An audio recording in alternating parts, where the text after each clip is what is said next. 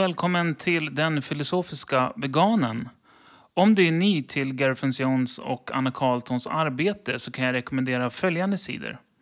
Den ena är howdoigovegan.com och den andra är abolitionistapproach.com.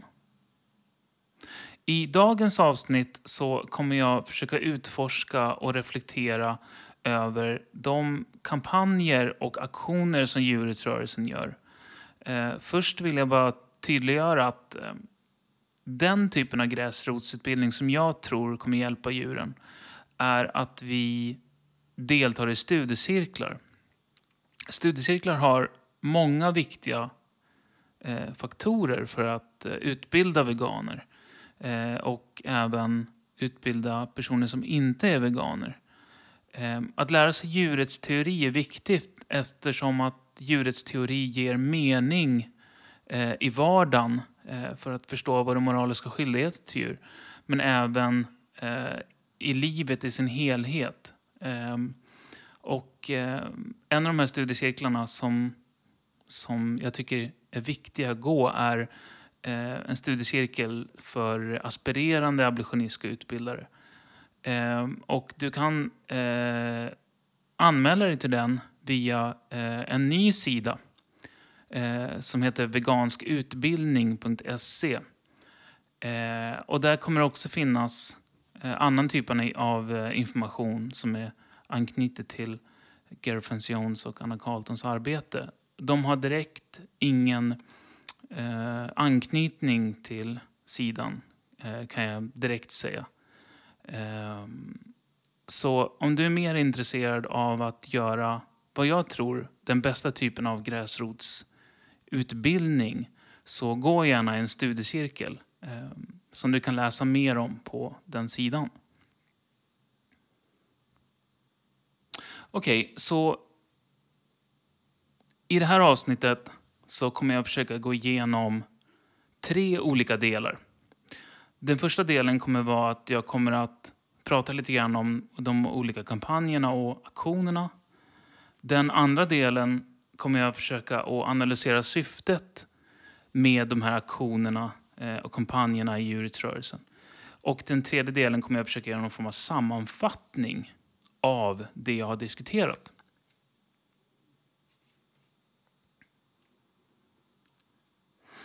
Okej, okay, så den första delen kommer jag analysera och titta lite mer på de olika kampanjerna och aktionerna. En av de kampanjerna och, och aktioner som jag har sett eh, är att aktivister ligger halvnakna som eh, typ av köttbitar i blod. Eh, man kan säga att det är mänskliga köttförpackningar. Eh, de aktionerna, idéerna, kommer från en amerikansk eh, organisation som heter PETA. People for Ethnical Treatment of Animals. Eh, och kampanjen, eller aktionen, är, om jag förstår rätt, att uppmärksamma genom att vi konsumerar kött.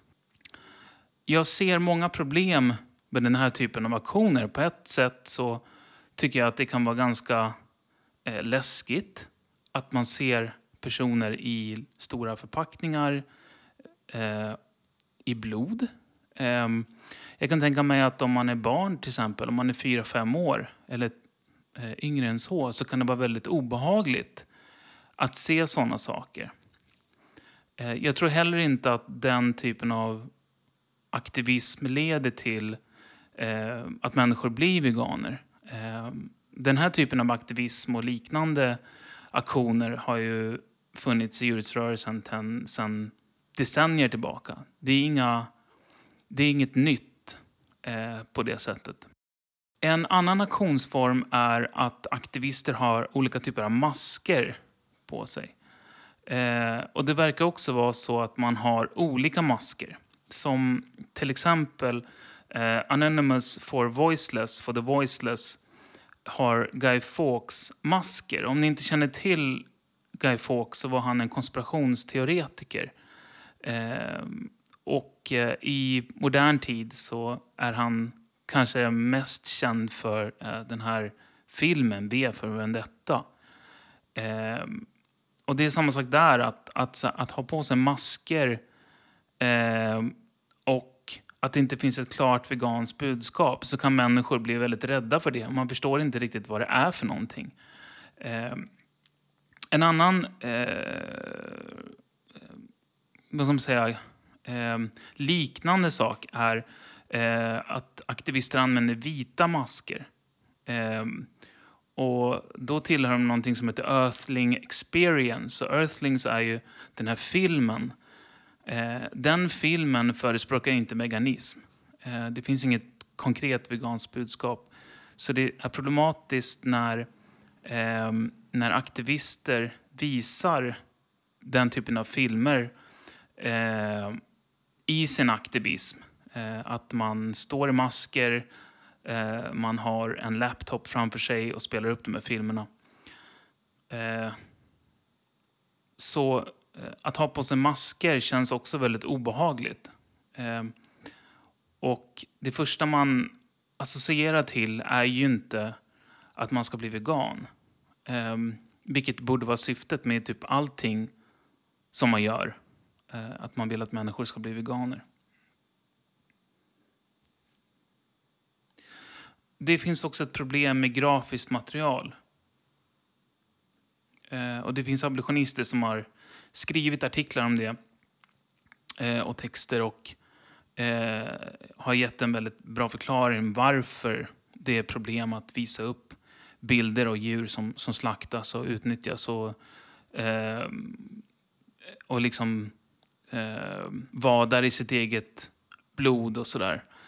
Eh, och jag skulle vilja göra en analogi till mänskliga rättigheter. Tänk dig att du ser eh, en aktion eller eh, personer som har bokbord som är feminister. För att den feministiska rörelsen eh, ska uppmärksamma kvinnoförtryck så visar man upp filmer där kvinnor våldtas och mördas av män. Eh, och om man tänker på det i en mänsklig kontext så skulle det kännas otänkbart och det skulle vara väldigt obehagligt eh, att se. Och det är ingenting som man visar sina barn heller, om man har barn. Eh, men om man tänker sig i ett perspektiv där djuren är, så är det alltid okej. Okay. Det är alltid okej, okay, acceptabelt att visa den typen av filmer. För man tror att det kommer ge bra resultat. Jag tycker snarare att den typen av extremt våldsamma filmer eh, förstärker djurutnyttjande och gör djurutnyttjande mer acceptabelt. Eh, så jag har, jag har, problem när aktivister säger att det är en effektiv metod. För jag har inte riktigt sett hur det gör människor fler veganer. Jag har inte sett det.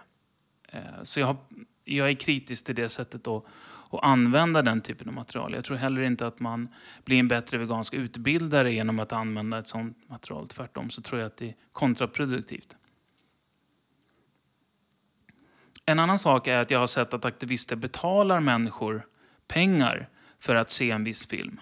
Eh, och, eh, I stort sett alla de här filmerna är baserat på hur vi behandlar djuren alltså fokuserar på behandlingen av djuren. Ehm, eh, till exempel att det är eh, eh inhumana slaktmetoder eller att, eh, eller att eh, djuren vadar i sin egen avföring eller, och så vidare. Att det, det är inte fokus på att vi ska avveckla djurutnyttjande, det är fokus på hur vi behandlar djuren.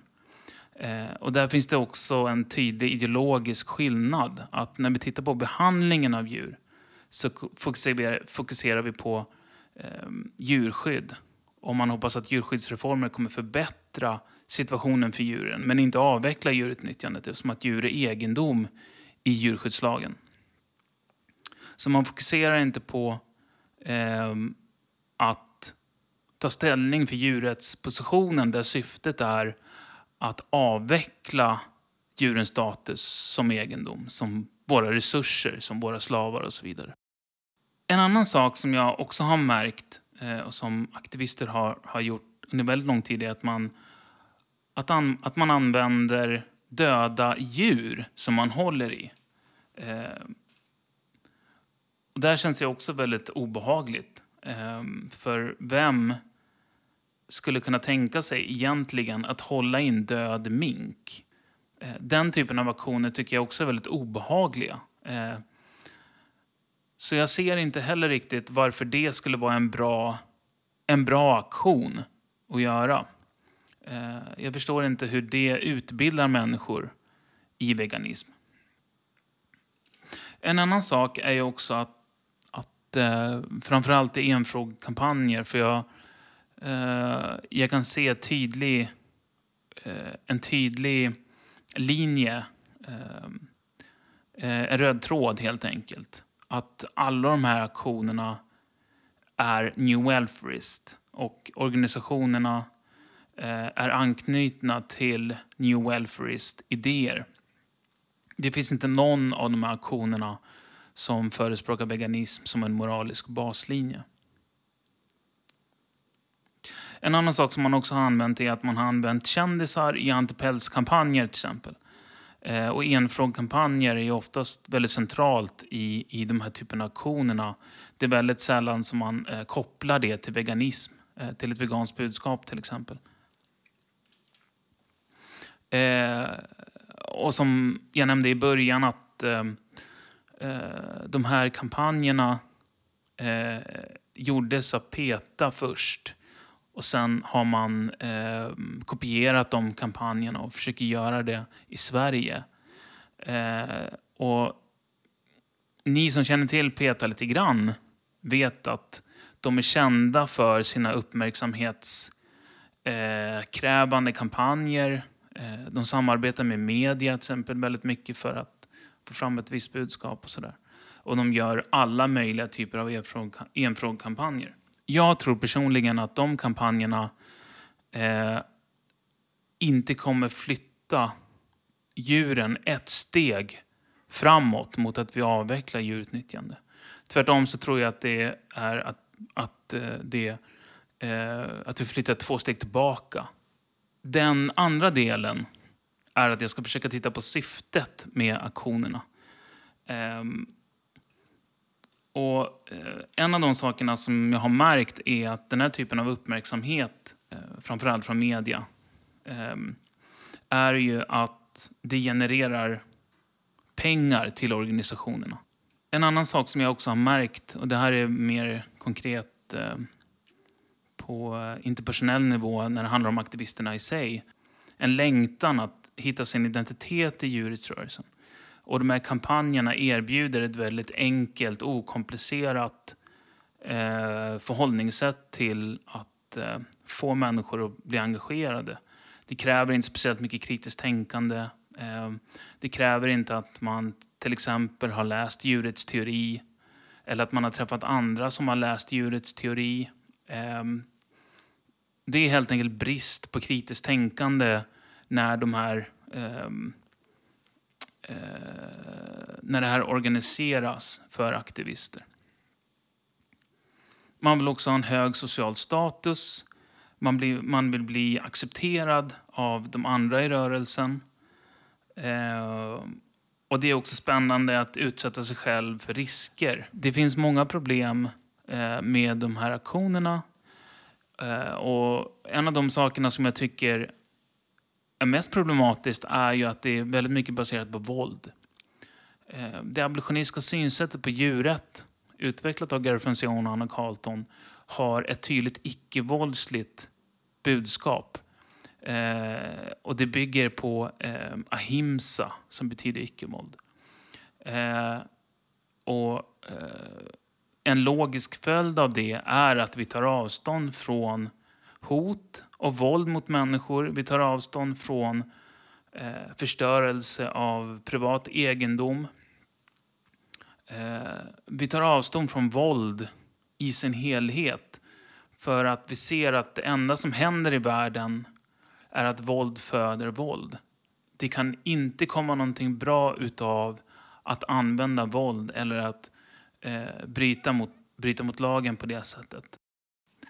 Okej, okay, så jag ville försöka göra någon form av eh, sammanfattning av, av det jag har pratat om.